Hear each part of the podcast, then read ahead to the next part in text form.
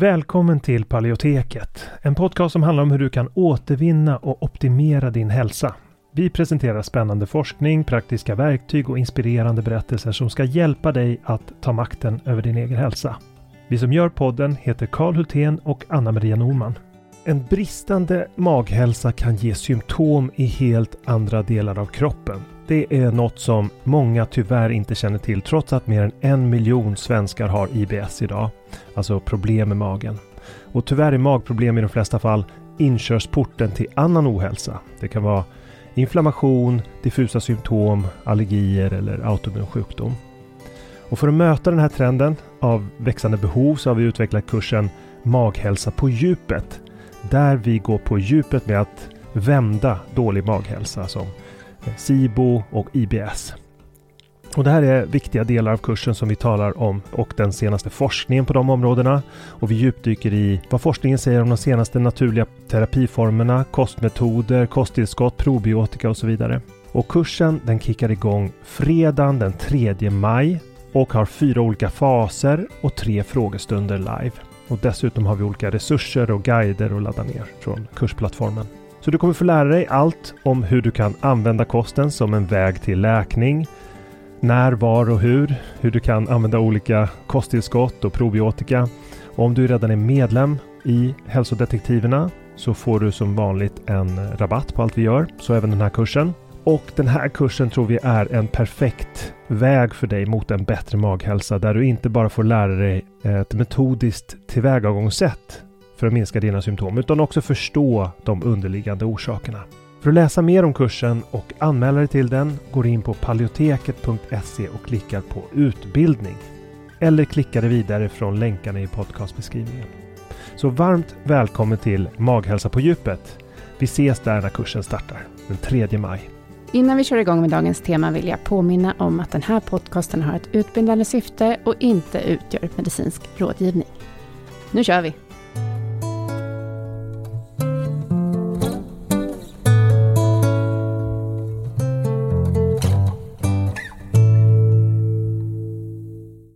Innan vi kör igång med dagens avsnitt så vill jag bara läsa ett litet mejl som vi har fått från Matilda Billberg som är dansare och koreograf och som går vår onlinekurs AIP Masterclass. Hon skriver så här. Jag känner stor skillnad tack vare AIP Masterclass. Nu är jag inne på vecka fem och har knappt några symptom från min mage längre, vilket annars kunde få mig att stanna hemma från jobbet ibland på grund av svåra problem. Jag har mer stabil energi över dagen, min hud och mitt hår mår bättre och jag är gladare. Så fantastiskt! Hon är alltså inne på vecka fem av våran 12 veckor långa onlinekurs, AIPM Masterclass, som det går att anmäla sig till när det passar dig. Det är bara att gå in på paleoteket.se och klicka på utbildning så kommer du till en sida där vi presenterar kursen.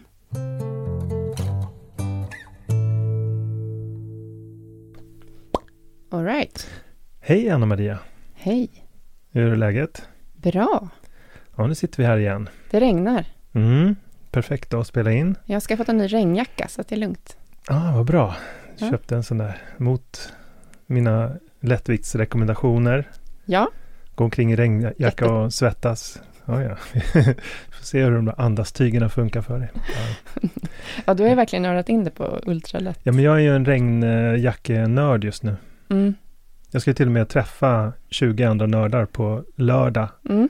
Nördar, jag tar tillbaka det. Jo, men det är nördigt. Ja, det kanske det är. Men Ja. det är lättviktspackning och det är vandring i Tyresta och det Mm. Vad kul. Ja, det ska bli väldigt spännande att jämföra utrustning en hel helg. ja, Hålla på att försöka klå varandra hur många gram någonting väger. ja, det handlar väldigt mycket om det. Se Ja. hur många som klipper av sina tandborstar och sådär. Ja, men det har du gjort länge. Ja. Ja. Inte hemma. Nej, precis, men den här resetandborsten. Mm. Mm. Yes, men det är väl inte det vi ska snacka om. Vi kan ju göra avsnitt om det också, Ja, om nu- folk vill ha ultralätt-temat. Ja, har det precis. Det, här får inte svälla ut till någon slags... Eh, nej, temat. Temat för dagen är hur immunitet uppstår mot smitta. Mm. Och vi, hade, vi postade ju ett, en podcast för inte så länge sedan som blev ganska uppmärksammad och eh, vad ska man säga, omtalad i alla fall på Insta. Ja, men alltså det är nog det avsnittet som har haft mest diskussion på Instagram. mm. någonsin eh, av våra inlägg. Och det eh, handlade om att, ja, vi satte en lite provokativ rubrik där som var att... Eh, är naturlig immunitet 27 gånger bättre än vaccination? Kanske lite dålig rubrik. Det var väl det som provocerade folk att inte läsa artikeln. Mm. För man märkte kanske på kommentarerna att den, ganska många hade inte läst artikeln utan de reagerade lite känslomässigt där. Mm, för att eh, är naturlig immunitet 27 gånger bättre än vaccination? Det kanske inte var så klockrent. Eh, man kunde formulera om det som är naturlig immunitet, eh, nej, ger naturlig immunitet 27 gånger bättre skydd än vaccination. Ja, man kanske kunde tolka det till och med som att det skulle på något sätt vara bra att få infektionen. Det menade vi inte. Nej. Eh, nej. Det finns en massa konsekvenser, det vet du till exempel. Ja, jag har ju själv fått långtidscovid, ja. eller en form av i alla fall. Precis, så. så. att vi vet att man kan få otroliga konsekvenser av eh, infektionen. Det vi ville lyfta var ju den här studien som visade, för, alltså det finns ju en stor grupp som också har haft det redan. Mm. Och att, att liksom, hur resonerar man kring den gruppen när de har ett väldigt bra immunitet? Och många har ju mm. råkat illa ut, som du till exempel. Ska du vaccinera dig då? Utsätta dig för en ytterligare risk? Ja, när du redan fått, har blivit så dålig av det? Ja, precis. Det är väl sådana frågor som den studien kan sätta fingret på. Mm. För det eh, kan ju finnas risker om man har fått immunförsvaret triggat och då eh, jag talade till exempel med min reumatolog för några dagar sedan och, och, han sa ju det att det är många som hör av sig och eh, som får, eh, har fått skov då mm. av eh, framförallt in, inom just re, reumatismgruppen. Men äh, inte, inte många, alltså att det är en majoritet alltså, mm. men, men att det, det, det är inte helt ovanligt. Nej, men och vi, vi kommer ju komma med ett avsnitt senare kring just att också vaccinationer kan trigga. Mm. Men, men det är liksom så att det finns ju, det är inte antingen eller riktigt där, båda kan trigga mm. eh, autoimmunitet. Så vi ska gå igenom lite vad, hur, hur vaccin och autoimmunitet hänger ihop lite längre mm. fram. Mm. Men innan det ska vi göra lite mer avsnitt som kan handla om vad man själv kan göra mm. och så för, för att eh, eh kanske häva långvariga inflammationssymptom som kan vara kvar efter covid och så. Mm. Eh, så, för det finns en hel del man kan göra. Men ja, det ska vi inte prata om nu. Nej, men det kommer komma. Vi har förberett en hel serie avsnitt nu. För att vi vill ju också att det ska vara någonting man kan göra någonting åt. Mm. Så att det inte bara blir, för det var många som kände med det här avsnittet som vi sände då. Om de redan, ja, de redan har haft ja. det, redan vaccinerat sig. Så, så bara, ja men nu kan jag inte göra någonting åt det här. Eh, fast att jag hade haft det liksom. Jag hade Nej. haft covid och jag vaccinerade mig. Vad ska jag göra med den här informationen? Att jag hade immunitet redan. Ja. Eh, och det förstår jag, så att det är inte, vi vill gärna ge... Men det här ge... kanske inte handlar så himla mycket om de som är vuxna egentligen. Det här handlar väl om barn egentligen. Mm. Det här med naturlig immunitet, just i den gruppen som har extremt låg risk. Det kanske till och med i just den av små barn som har till och med lägre risk än andra mm. eh, influensor än med covid. Att, eh, och det handlar om de övervägningar. Det skulle kunna vara någonting som kan användas i debatten kring hur vi ska göra med vaccination av barn när vi är inne i en fas 3-studie. Mm. Och så. Men det, vi, vi, kanske ska lämna den mm. frågan lite grann. Eh, den är också ganska het. Och istället gå in på det här med hur immunitet mm. uppstår. Mm. Vi ska ju prata om liksom, immunförsvaret, hur det funkar egentligen. Mm. Och hur immunitet mot smittämnen som bakterier och virus skapas. Mm. Och var och varannan person har ju nu tagit antikroppstest det var många som kanske inte hade gjort det tidigare. Och många har hört talas om någonting som kallas för T-cellsimmunitet. Mm. Men det blir ju ofta bara en massa ord som man slänger sig med och man vet inte riktigt vad det är för någonting. Så det ska vi prata om idag. Mm. Men jag vill ju också fråga dig egentligen, om vi nu ska prata om det här, eh, varför ska just vi prata om det? Eh, och vad har du för utbildning? Jag har ingen utbildning i immunologi. Nej, har alltså, du det? det? det? vi ska, ja, alltså det ska vi, vi, vi ska väl göra nu en, en, en överblick av immunitet, inte på djupet, utan vi ska förklara någonting som är ganska, som är skåpmat för alla som har läst immunologi. Och jag menar, det jag har läst, ja, jag har ju läst förstås immunologi, eh, virologi och fördjupad immunologi när jag läste biomedicina-programmet. Så jag har läst fyra år i Linköping och läst allt ifrån biokemi och cellbiologi, molekylärbiologi, eh, också epidemiologi förstås. Och, och, allt det som är relevant för att kunna läsa forskningen. Och sen har jag också läst eh, på Karolinska, påbörjade doktorandutbildning och jag har läst ett år forskarskola också. Men mm. alltså jag är inte immunolog. Men, eh, men det här behöver man inte vara immunolog för att berätta om, det som Mm. vi ska gå igenom idag. Mm. Nej, det här är väldigt grundläggande, lite Ja. sådär gymnasieimmunologi. Nej, det är det inte. Men det är, li, det är lite djupare än det. Okej, Men, okej. ja. Ja, nej, men sen vill jag ju bara säga att vi är ju väldigt intresserade av immunförsvaret. Det är ju egentligen våra tema som vi jobbar med hela tiden. I och med att vi är, har jobbat mycket med immunitet, nej, autoimmunitet. Och i Autoimmun handbok så beskriver vi ju immunförsvaret, också hur det funkar och alla de här delarna som vi kommer gå in på idag. Men vi går mer in på liksom när det har gått fel i immunförsvaret där. Mm. Alltså när immunförsvaret börjar attackera kroppens egna vävnader. Mm. Men det vi ska prata om idag är ju hur det fungerar när det fungerar som det ska. Ja, när precis. det attackerar främmande ämnen. För det är det Ja. det egentligen ska göra, inte attackera den egna kroppen. Nej, precis. Och eh, för det är ju så det fungerar hos de flesta hela tiden. Mm. Att det, det faktiskt fungerar. Det är så vi har blivit en art som har funnits i miljontals år. Mm. Ehm, och immunologin i grunden, det är ju läran om immuniteten. Det är alltså hur kroppen skyddas mot att drabbas av infektioner.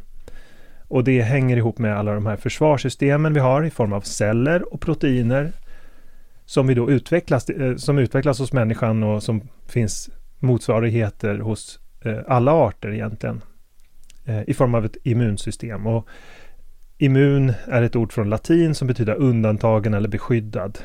Och det betyder att personer som är immuna inte drabbas av eh, sjukdomar som återkommer år efter år. Mm. Och vi använder ju både ordet eh, immunförsvar och immunsystem, det är samma sak va? Ja, det kan man säga. Olika ord.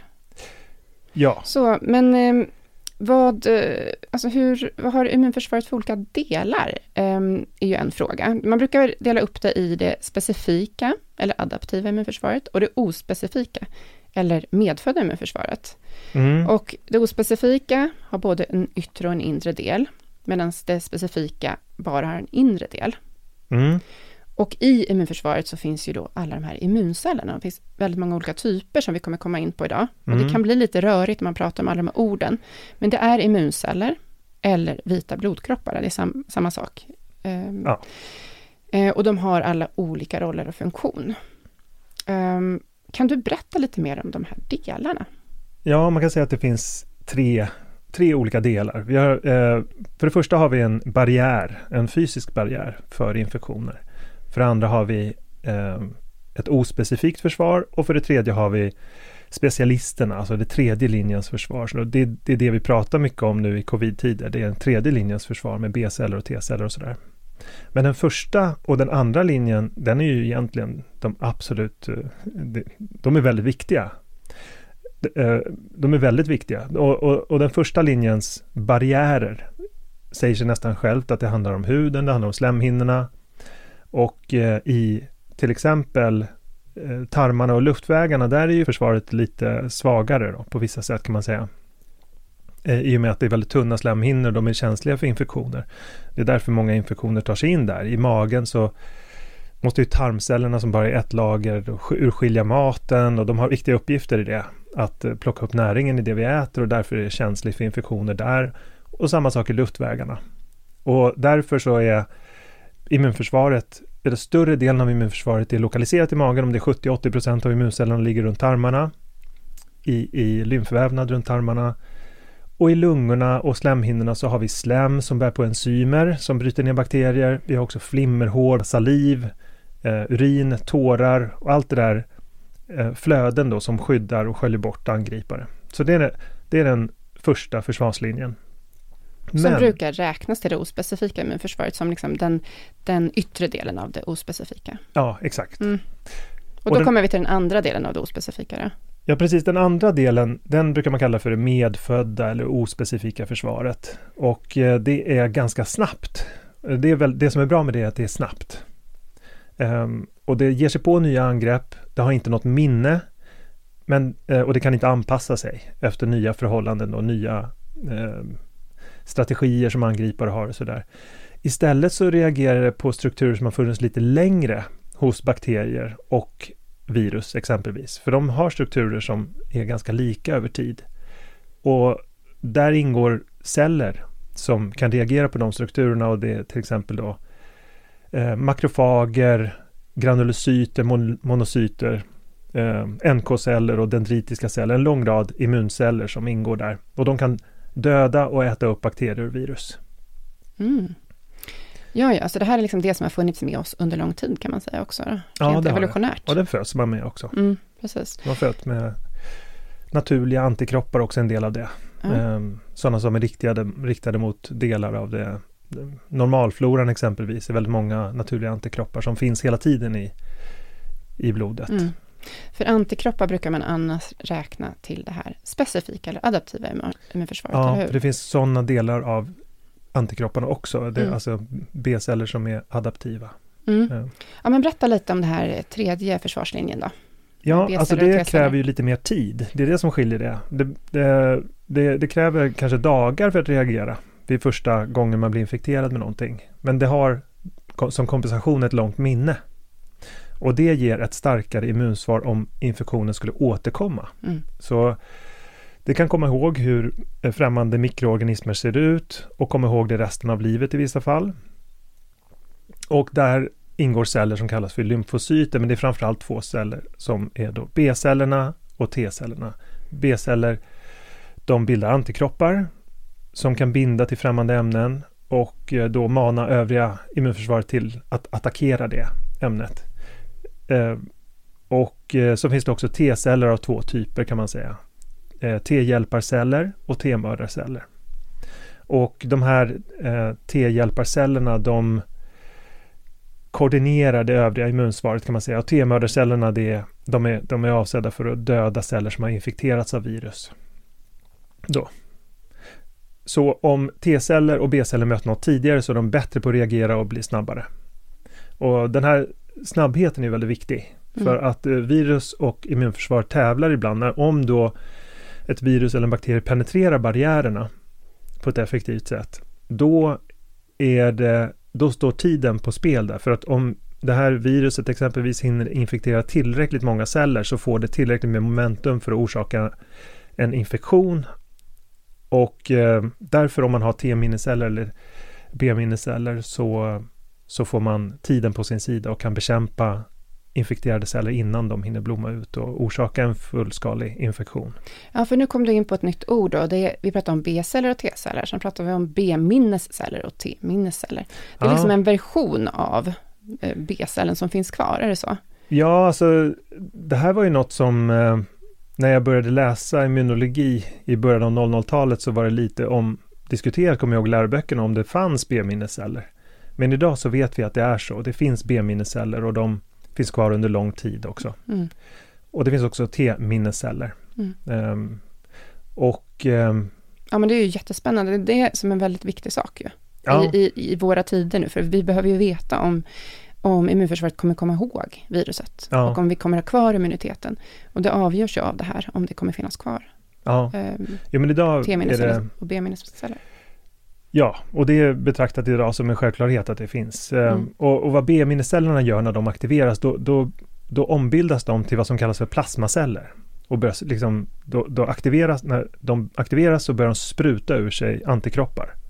Och de antikropparna är, det är Y-formade proteiner som längst ut på de här spetsarna av Y-en, Y-en då, ehm, har en väldigt specifik yta.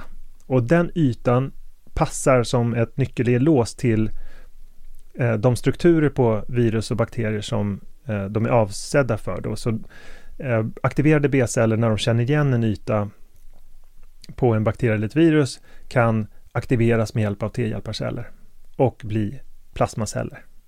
Och då producerar de här antikropparna, och de blir ju då som målsökande robotar nästan, som går runt i kroppen och, och hela tiden letar efter fria viruspartiklar. Mm. Signalflaggor kan man kalla det också då, som sitter Ja. där och talar om för resten av immunförsvaret att Ja, dels ska talar de om attackeras. för eh, andra immunceller som Mm. eh, makrofager till exempel att komma dit och äta upp och förstöra viruspartikeln. Men den kan också säga till eh, komplementsystemet som är proteiner, ett slags enzymer som rekryteras till det antikroppen har bundit in och som kan då slå hål på viruspartikeln. mm, Ehm, så den rekryterar dit andra delar av immun, immunförsvaret kan man säga. mm, Och det finns hundratals miljoner olika typer av antikroppar. som känner igen alla de här strukturerna på olika främmande ämnen som vi möter. Och vi har hela tiden eh, hundratals miljoner mm. olika slags antikroppar i blodet. Och de har den här unika ytan. Och de flesta är naturliga som vi var inne på tidigare, som binder in till sånt som är riktat mot bakterier som bor i oss framförallt och så. Men eh, de här förvärvade adaptiva antikropparna, det är sådana som vi utvecklar när vi får en infektion. Och de försvinner också när, när infektionen försvinner, försvinner de liksom långsamt mm. och blir till benminneceller. Men eh, man kan inte ha kvar, man kan inte ha med, man kan inte ha kvar eh, plasmaceller, alltså aktiverade B-celler mot allt nytt hela tiden. Mm. Man kan inte ha ett immunsvar som är, alltså om man inte skulle avveckla immunsvaret så skulle blodet svämmas över av av antikroppar mm. och det skulle inte, då skulle inte blodet kunna fungera. Ja, just det.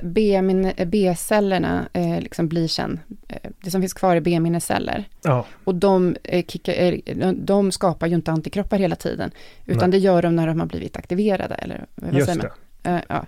Om det händer någonting så kan de... Då blir de effektor-B-celler eller plasmaceller. Då kan de vakna till ja. liv. Ja. Så att därför så sjunker antikroppsnivåerna efter ett tag. Precis. De kommer göra det. Man håller på att mäta det kopplat till covid-19 nu, hur länge de finns kvar, men det, det kommer ju sjunka. Ja, det eh, kommer det göra. Ja. Men det, vi kommer ju gå in på att det finns andra delar då, de här minnescellerna kvar. Mm. Men jag ville bara eh, att vi skulle liksom zooma ut lite nu då, för nu har vi, nu har vi djupdykt här lite grann mm. i antikroppar och de här eh, cellerna, immuncellerna. Men um, vad har immunförsvaret för grundläggande egenskaper? Kan du sammanfatta det? Ja, just det. det är, de, de grundläggande, man kan säga att det är fyra olika egenskaper. Eh, för det första är det man brukar säga att det är specifikt. Alltså man, när man säger på de grundläggande egenskaperna så brukar man syfta på den tredje linjens försvar. Och det är att det är specifikt, alltså att en fiende angrips som individ, alltså att den specifikt utifrån sina egenskaper angrips. Och sen att det är selektivt också, att det kan välja ut de här individerna då och skilja mellan det som är främmande och kroppseget när allt fungerar som det ska. Sen är det också adaptivt, att immunförsvar, eh, immunförsvaret kan alltså bättra på sin attack när det lär sig om sin motståndare. Det är den tredje. Och sen är det här den viktiga minnesfunktionen som är den fjärde. Mm. Så det är väl de fyra särdragen som utmärker immunförsvaret. Just det. Men då vill jag att vi ska prata lite mer om minnesfunktionen. Mm. Eh, hur fungerar det egentligen? Hur kan immunförsvaret minnas det du stött på? Och vad har det för betydelse för oss egentligen?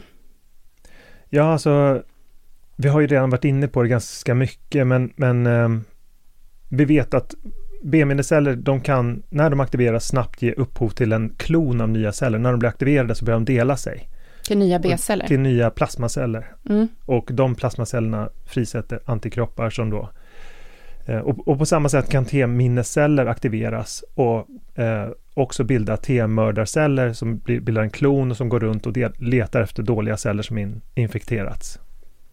Så den här minnesfunktionen, det är att det är färre, färre celler som sparas kan man säga. Mm.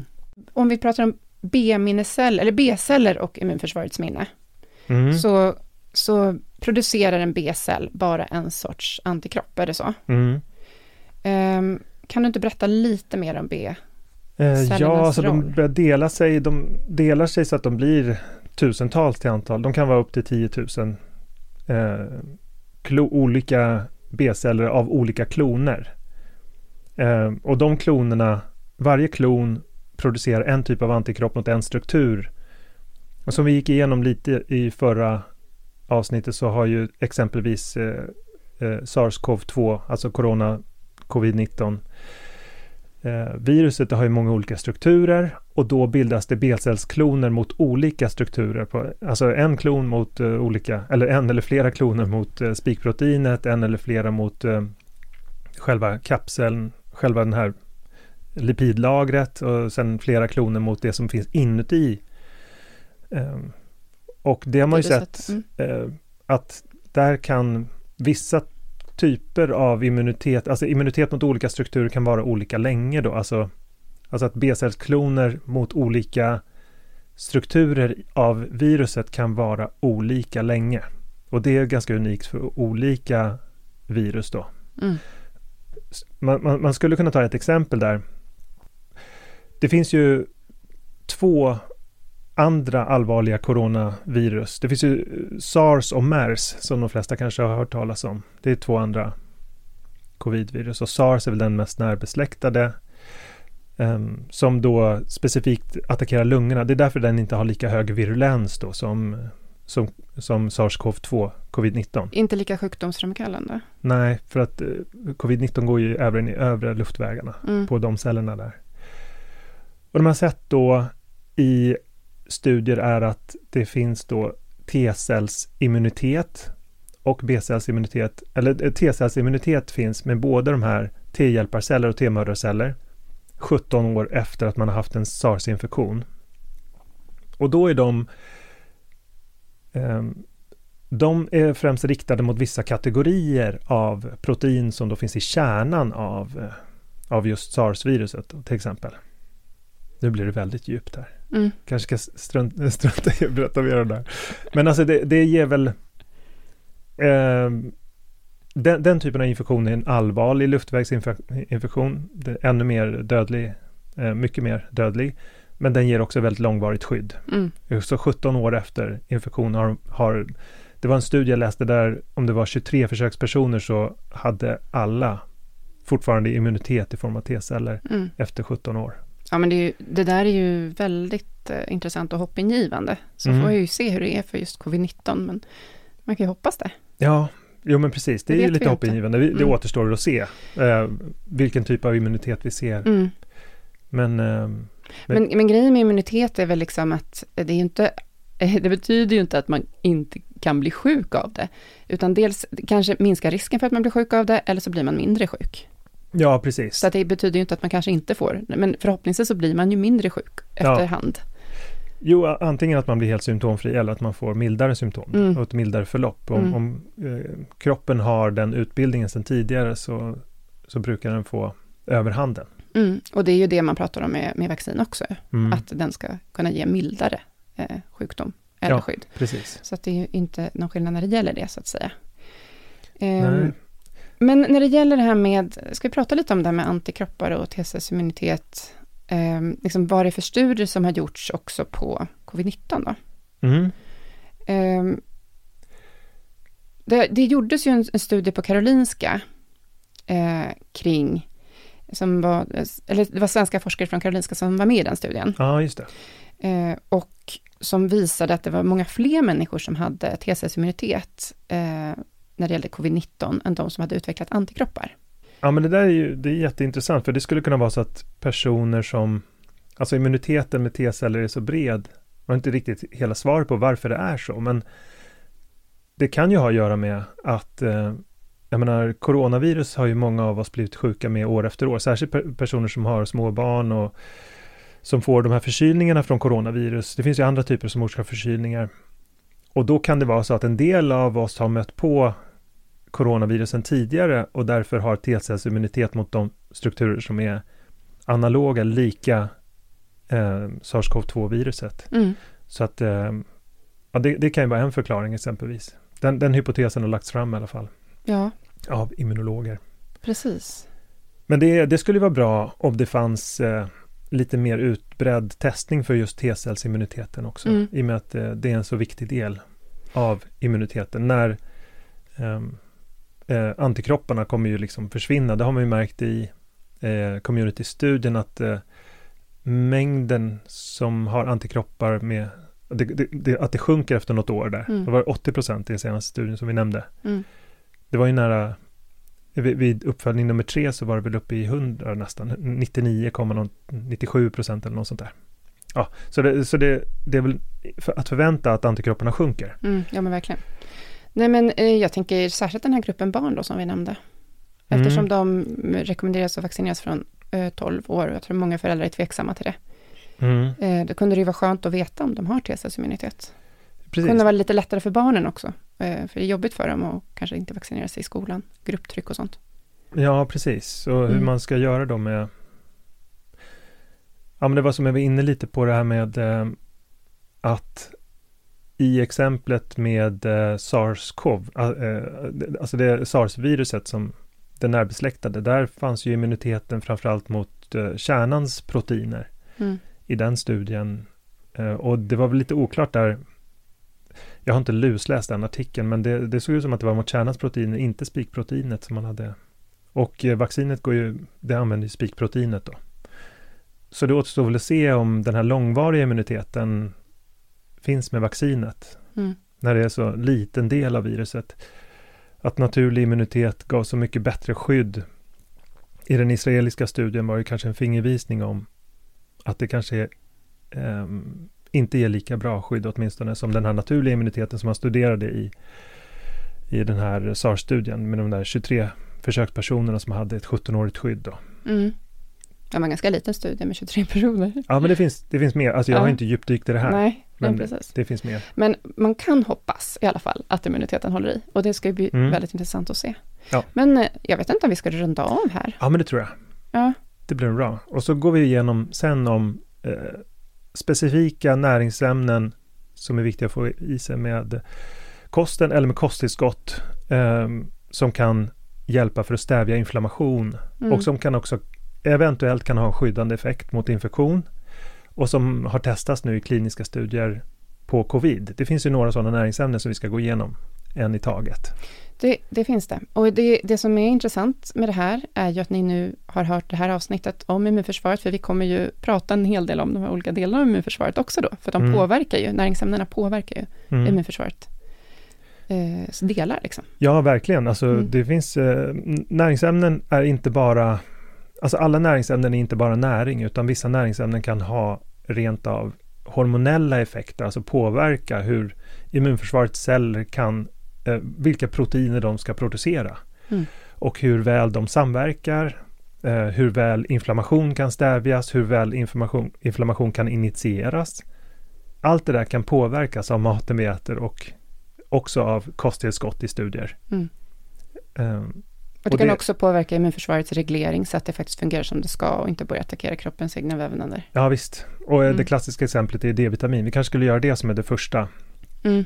Alltså vad finns det för forskning kring ehm, försvar mot virus, stävjande av inflammation, stävjande av eventuella långtidsinflammation som, som en del av det här som kallas för långtidscovid. Mm. Eh, vad man kan göra med D-vitamin när det gäller det och vad, vad det finns för strategier man kan, kan tillämpa enkelt. Mm. Mm. Jättebra. Yes, Då kör vi på det nästa gång. det gör vi. Ja, tack, Tack för, för- idag. Tack för idag. Hej då. Mm, hej då. Tack så mycket för att du har lyssnat på det här avsnittet av Paleoteket. Vi hoppas att det har varit till nytta för dig. Om du vill få hjälp att uppnå dina hälsomål står vi redo att hjälpa dig. Vårt medlemskap Hälsodetektiverna är en gemenskap online där du träffar likasinnade, får hälsoinspiration hela året och kan ställa frågor direkt till oss på våra medlemsseminarier. Nu under våren startar också två onlinekurser. AIP Masterclass är kursen för dig som vill lära dig allt du behöver veta om kostupplägget AIP, autonomt protokoll, samtidigt som du blir guidad genom en stegvis process med både läkningsfas, utvärdering och återintroduktioner. Sen har vi kursen Maghälsa på djupet som riktar sig till dig med IBS och misstänkt eller konstaterad SIBO. Vi fokuserar helt på vad du kan göra med kost, livsstil och strategiskt utvalda kosttillskott. För dig som föredrar att läsa finns också våra fyra böcker. Besök paleoteket.se för att veta mer och glöm inte att prenumerera på vårt nyhetsbrev. Du hittar länkar i beskrivningen till podcastavsnittet.